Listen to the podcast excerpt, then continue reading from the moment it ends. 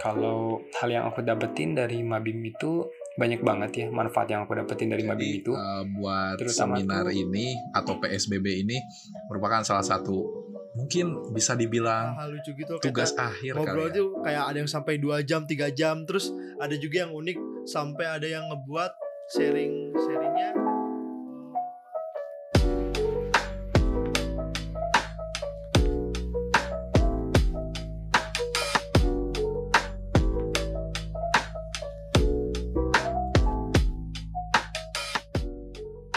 Halo semuanya, selamat datang di podcast Berbincang.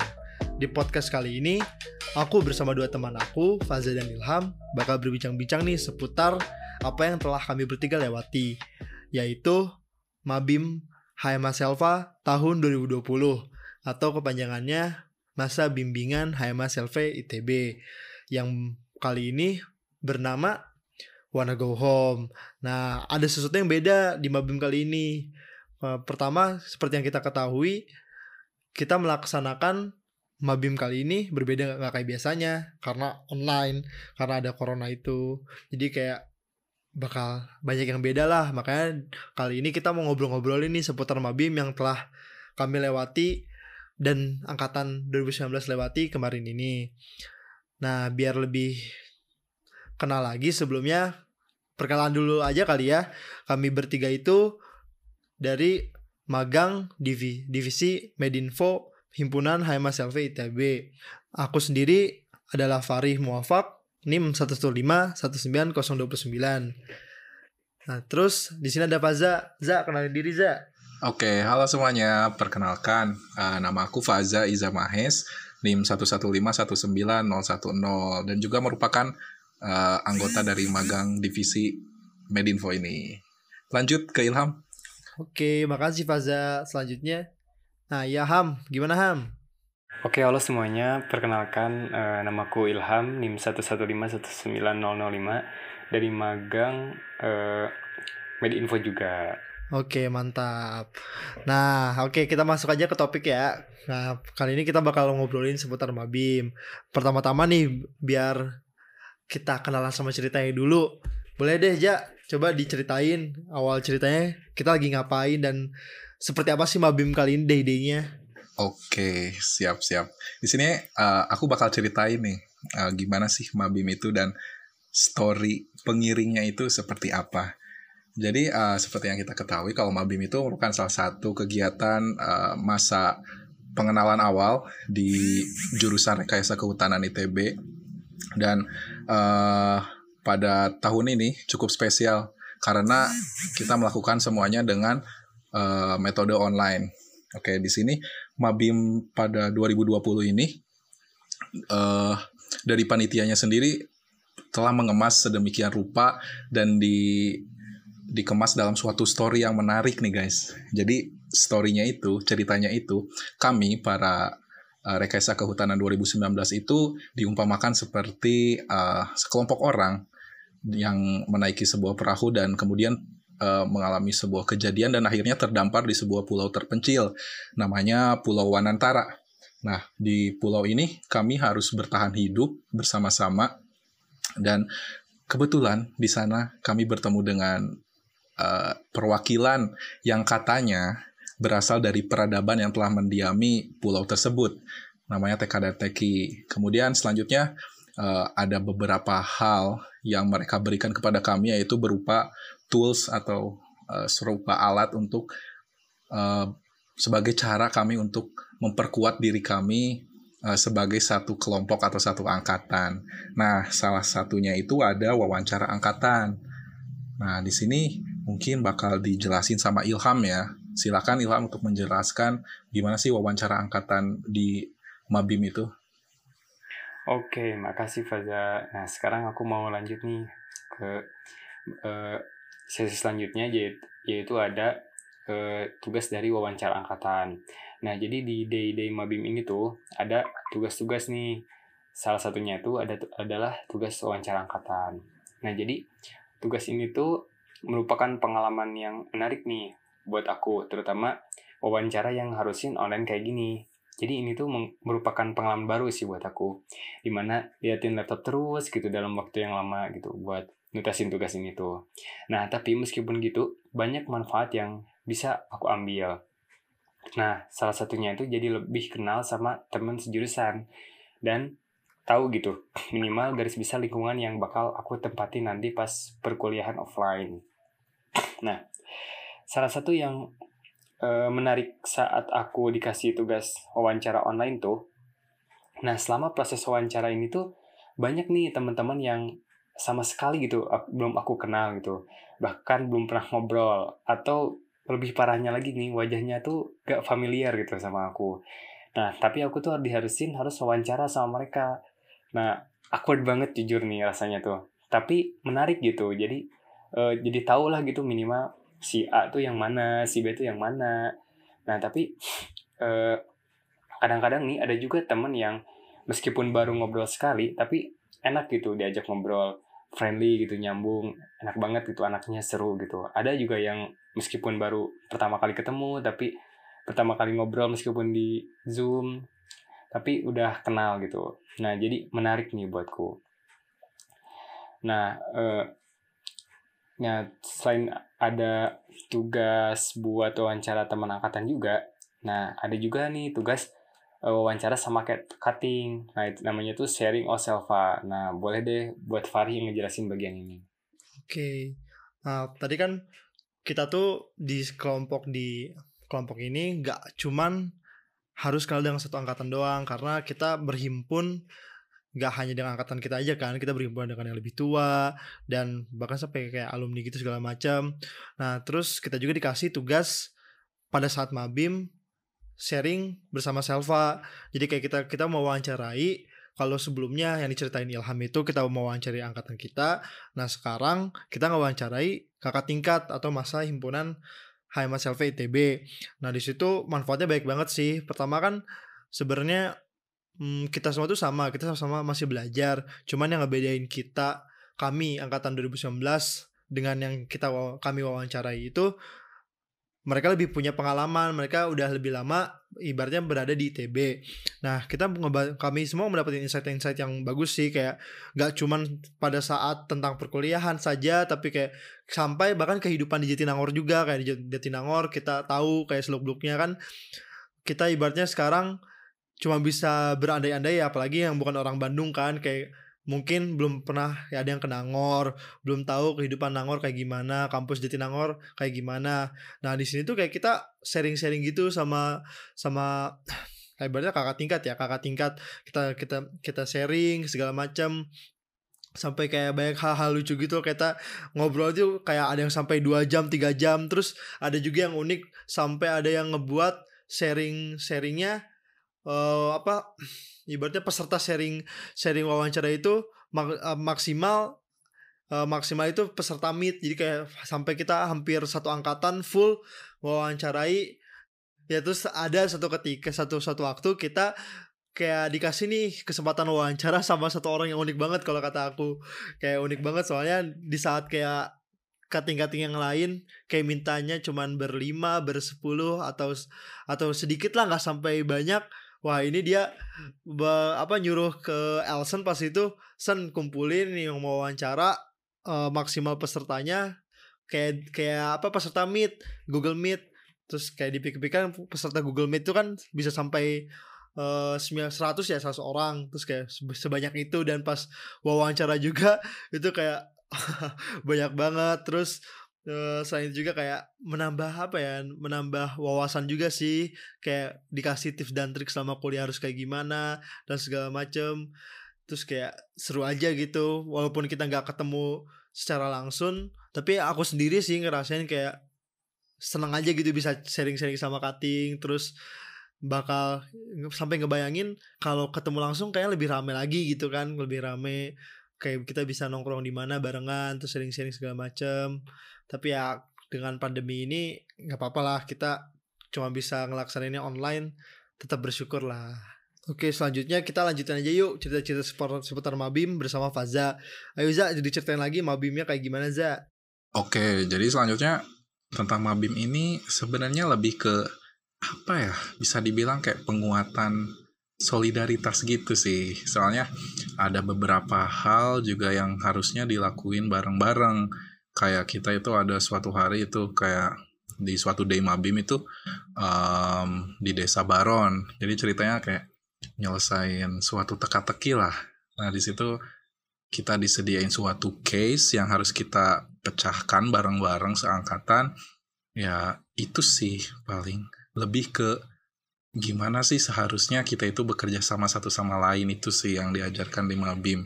Dan seterusnya mungkin untuk mewadahi itu sebenarnya kita udah dibagi ke kelompok-kelompok kecil gitu yang namanya itu uh, squad nah dan tiap squad itu ada kayak sejenis mentor mungkin ya disebutnya ya mentor dan mereka kayak membimbing kami biar uh, apa bisa menjalani day-day Mabim itu dengan lancar gitu.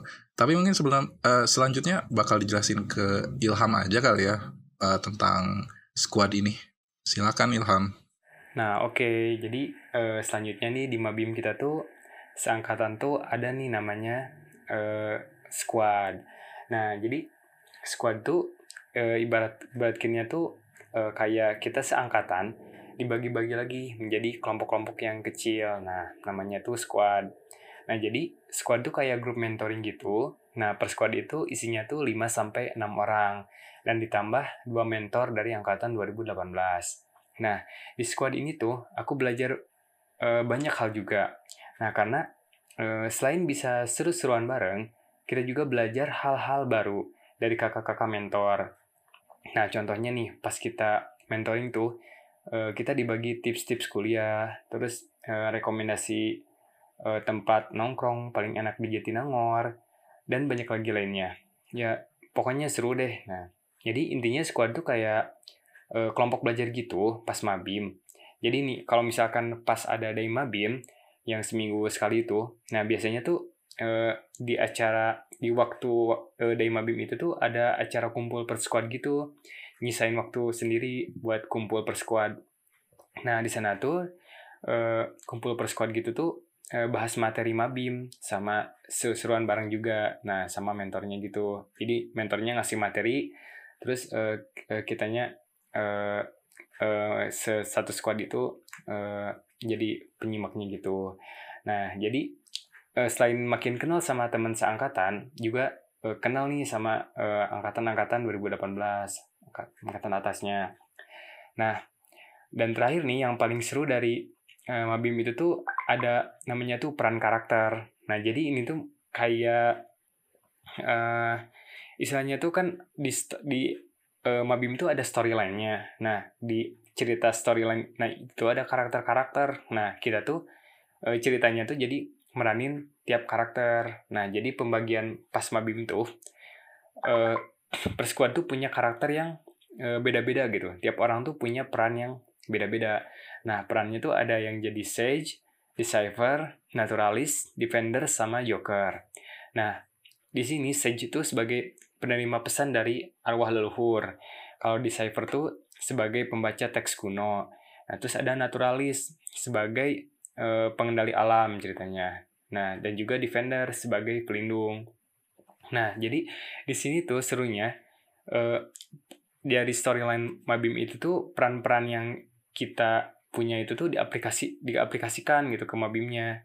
Nah, khususnya tuh di gamenya gitu. Nah, jadi nanti tuh ada game-game yang ngarusin tiap karakternya tuh uh, ngelakuin perannya gitu sama alur Mabimnya tuh.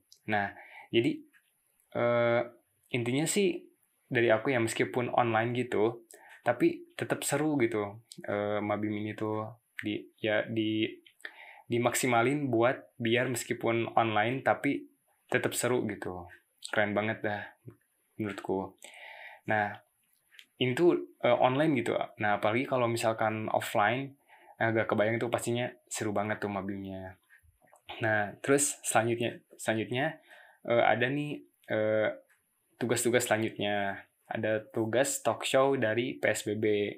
Nah, ini bakal dijelasin sama Faza. Boleh Faza?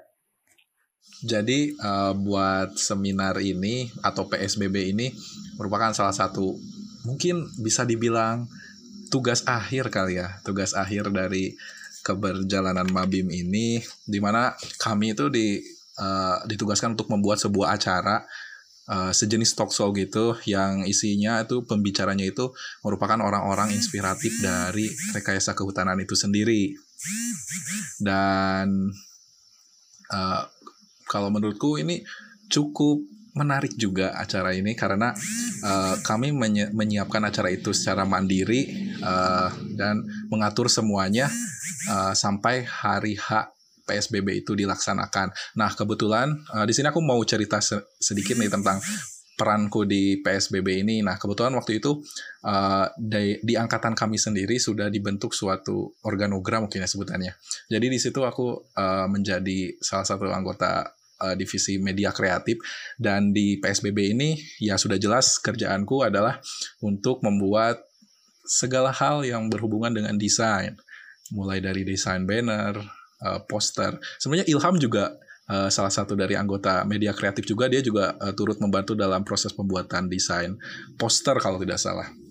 Nah, selanjutnya ya itu lumayan seru sih kalau menurut aku kayak karena ini kebetulan yang pertama buatku dalam mengadakan acara talk show seperti ini jadi cukup berkesan. Dan pada hari pelaksanaannya pun pembicara-pembicara yang uh, dihadirkan itu sangat menginspiratif sekali karena mereka memiliki pengalaman dan cerita yang luar biasa uh, mengenai perjuangan mereka di rekayasa kehutanan, prestasi-prestasi mereka, kemudian kontribusi mereka di uh, Haima Selva uh, dan pembicaranya itu salah satunya yaitu Kak Kak Hasla dan Kak Hasna ya yaitu BW uh, 17 mereka menceritakan wah kehebatan mereka. Nah, sebenarnya di situ ada ada ini sih. Sebenarnya dari uh, masa 19 ini dari BW 19 ini terbagi ke dua dua pihak gitu. Ada yang setelah ngedengerin PSBB itu jadi semangat, terinspirasi dan terpacu untuk melakukan hal yang serupa, berprestasi dan lain sebagainya. Namun sebagian lainnya mungkin akan merasa uh, insecure, kemudian istilahnya kayak aku mah apa tuh gitu setelah mendengar cerita-cerita dari cutting tersebut. Tapi overall kegiatan ini sangat luar biasa dan kami sudah mempersiapkannya sebaik mungkin dan itu memang sangat uh, berkesan buat kami. Mungkin itu sih kalau PSBB. Dan selanjutnya setelah PSBB itu dilanjutkan dengan day 6 guys. Day 6 itu uh, merupakan day terakhir kami di Mabim ini dan mungkin detailnya akan dijelaskan oleh Fari. Silakan Fari. Oke, sekarang aku mau ngejelasin tentang day 6 atau tentang hari puncak, hari terakhir. Ibaratnya keberlangsungan Mabim. Nah, setelah dari pagi kan kita kayak udah ngikutin PSBB terus habis PSBB tuh uh, kita tuh dikasih kayak waktu istirahat sampai malam. Kayak kumpul lagi kita kalau nggak salah seingat aku jam 7 malam kita kumpul lagi masuk ke ruang meet terus kayak dikasih sebarang link gitu. Dan itu lewat japri. Jadi link untuk masuk ke meetnya itu ibaratnya kita nggak tahu kayak yang misalkan yang orang lain terima sama yang kita sendiri terima itu sama atau enggak. Terus akhirnya eh, pas waktu yang telah ditentukan kita semua masuk nih ke link-link itu. Terus sampai akhirnya kita sadar kayak ada yang beda nih ada yang dapat linknya beda soalnya nggak ada di room itu.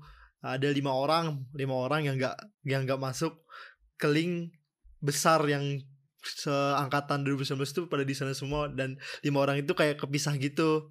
Terus uh, telusuk demi telusuk ternyata emang mereka di, ada di meet yang berbeda dan kayak ibaratnya mereka uh, ngobrol tentang sesuatu lah di meet itu. Terus akhirnya pas uh, kita di meet utama ya ada namanya final challenge di mana kayak kita benar-benar uh, apa ya ibaratnya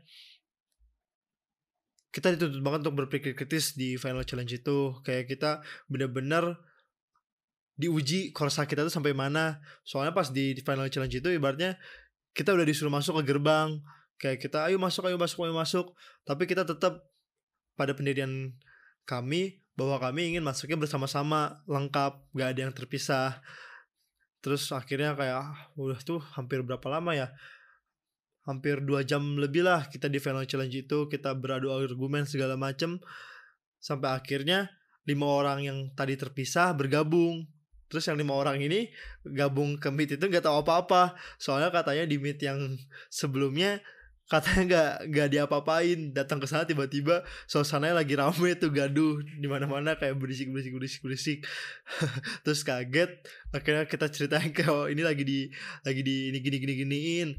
Lagi apa? Lagi di apa ya ibaratnya evaluasi ya kalau nggak salah. Nama evaluasi lagi segala macam terus akhirnya mereka baru connect. Barulah di situ kita benar-benar berjuang satu angkatan. Gimana caranya kita bisa masuk ke gerbang peradaban bersama-sama. Nggak ada yang tertinggal atau gimana pun caranya. Setelah hampir hampir tiga jam ya tiga jaman lah barulah di situ kita berkomitmen ngasih komitmen kita kalau kalau kita udah masuk ke gerbang kita bakal ngapain segala macam kita berkomitmen di sana barengan. Terus ya rame sih pas kita membaca komitmen tuh uh, disuruh barengan kan terus kita barengan barengan dan ya itu suara suara mid ricu ricu banget di situ. Kayak kalau offline kan bisa barengan maksudnya barengan nggak ada delay nggak ada apa-apa. Kalau online kan pasti ada yang delay segala macam akhirnya gaduh gaduh banget si ruang midnya akhirnya setelah dibacakan komitmen itu bersama-sama sebagai satu angkatan 2019 akhirnya kami diizinkan masuk ke peradaban HMS ITB dan di situlah kita disambut oleh penduduk masa himpunan Selva ITB habis masuk kita disuruh tutup mata. Yang awalnya meet cuman kisaran 50-60 orang tiba-tiba rame sampai 100 orang. Terus kita disambut lah sama masa himpunan Selva ITB itu sih kayak paling momen berkesan tuh ketika ya kaget aja pas buka mata rame terus disambut disambut sama banyak orang sama masa himpunan sama penduduk dari masalah VTB kayak wah apa ya speechless sih maksudnya uh, dulu sih kebayangnya aku sendiri bakal ngelewatin masa ini tuh offline dalam artian kita ngejalanin mabim ini bakal offline bakal kayak ngerasain hype-nya tuh beneran bener gitu kayak bener-bener ketemu kita ngelaksanain kegiatannya barengan di satu tempat tapi adanya pandemi ini justru yang membuat mungkin lebih berkesan lagi karena salut lah maksudnya salut dengan apa yang telah dilaksanakan sama tim panitia Mabim. Kayak mereka gimana caranya bisa menyampaikan esensi itu dari kegiatan online. Kayak gimana mereka bisa ngemas semuanya secara online dan menurut aku berhasil banget sih. Maksudnya di malam lantik itu benar-benar semuanya akhirnya gitu. Bahasa satu kata yang akhirnya kita masuk ke peradaban. Dan jujur selama ngejalanin mabim itu nggak pernah ngerasa bosen sih. Nggak pernah ngerasa bosen karena ya itu ada ceritanya ada alurnya segala macam dan enak ngejalaninnya. Akhirnya wah itu wah cuman bisa bilang mantap dah. Di malam lantik itu mantep semuanya kayak wah gokil sih. Kece parah. Ya akhirnya perjalanan Mabim Mabim 2020 selesai di situ. Di situlah kayak fase terakhir dari Mabim. Walaupun kegiatan Mabim udah beres tapi uh, kata belajar gak bakal pernah berakhir sampai kapan pun itu yang aku dapetin dari kegiatan Mabim ini sih kalau dari yang lain gimana apa yang kalian dapetin selama kegiatan Mabim boleh dari Ilham dulu mungkin Oh, hmm, kalau hal yang aku dapetin dari Mabim itu banyak banget ya manfaat yang aku dapetin dari Mabim itu. Terutama tuh terkait ini sih kayak pelajaran-pelajaran eh, hidup gitu mungkin ya. Kayak pengalaman-pengalaman yang didapat dari cutting-cutting tuh di-share terus kita bisa ambil manfaatnya, kita bisa ambil sisi positifnya. Eh, dari mulai cara kayak misalkan tips-tips kuliah kayak cara cara-cara nyekapin sesuatu kayak cara ngehargain orang banyak banget sih yang aku dapetin itu tuh dari pengalaman pun dari pengalaman pas saat mabim pun itu banyak yang bisa aku dapetin gitu yang bisa aku achieve gitu dari mabim. Nah intinya sih kalau dari mabim uh, overall yang aku dapetin tuh kayak mungkin lebih ke cara nyikapin sesuatu cara nyikapin uh, cara uh, menghargai orang cara menghargai pendapat orang cara menghargai waktu uh, pentingnya disiplin lebih ke sana sih kayak lebih ke uh, gimana caranya kita menjadi pribadi yang lebih baik lagi? Itu sih kalau dari aku. Kalau dari Faza gimana kalau dari Faza? Oke makasih Ilham. Oke boleh deh dari Faza. Ayo Za, dari kamu gimana Za? Uh, kalau dari aku sendiri mungkin apa ya? Kesan atau mungkin nilai yang aku dapat dari kegiatan Mabim itu sendiri adalah mungkin ini lebih ke teknis ya yaitu uh, gimana caranya kita beradaptasi sama keadaan yang mungkin sebelumnya kita gak pernah duga bakal kita hadapin gitu mungkin maksudnya di sini uh, karena kita di dalam pandemi dan tidak disarankan untuk saling bertemu dan akhirnya semua dijadikan secara online dan menurut aku aku sendiri aku pribadi itu terasa cukup berat ya. Nah, dan dari Mabim ini mungkin menjadi salah satu bentuk pembiasaan di mana kan nanti selanjutnya untuk kuliah itu kan bakal full online dan itu Mabim itu salah satu uh, bentuk pembiasaan buat aku buat melakukan semuanya secara online dan secara online dan secara gimana ya maksudnya dengan mandiri ya. Karena di di masa-masa seperti ini ya kita tidak bisa bertemu dengan orang lain dan ya jadi mengharuskan kita untuk mandiri secara segala hal. Mungkin itu sih. Dan pelajaran-pelajaran mengenai um, nilai mabimnya kemudian korsa dan lain sebagainya dan itu juga sebenarnya aku rasain juga. Karena mabim ini salah satu metode untuk membentuk nilai-nilai tersebut. Karena kita kan sebagai satu angkatan, sebagai kelompok besar dituntut untuk bisa mengerti bagaimana kondisi angkatannya, kemudian um, ya seperti itulah. Mungkin itu sih dari aku. Intinya mantap deh. Oke, mantap banget Za.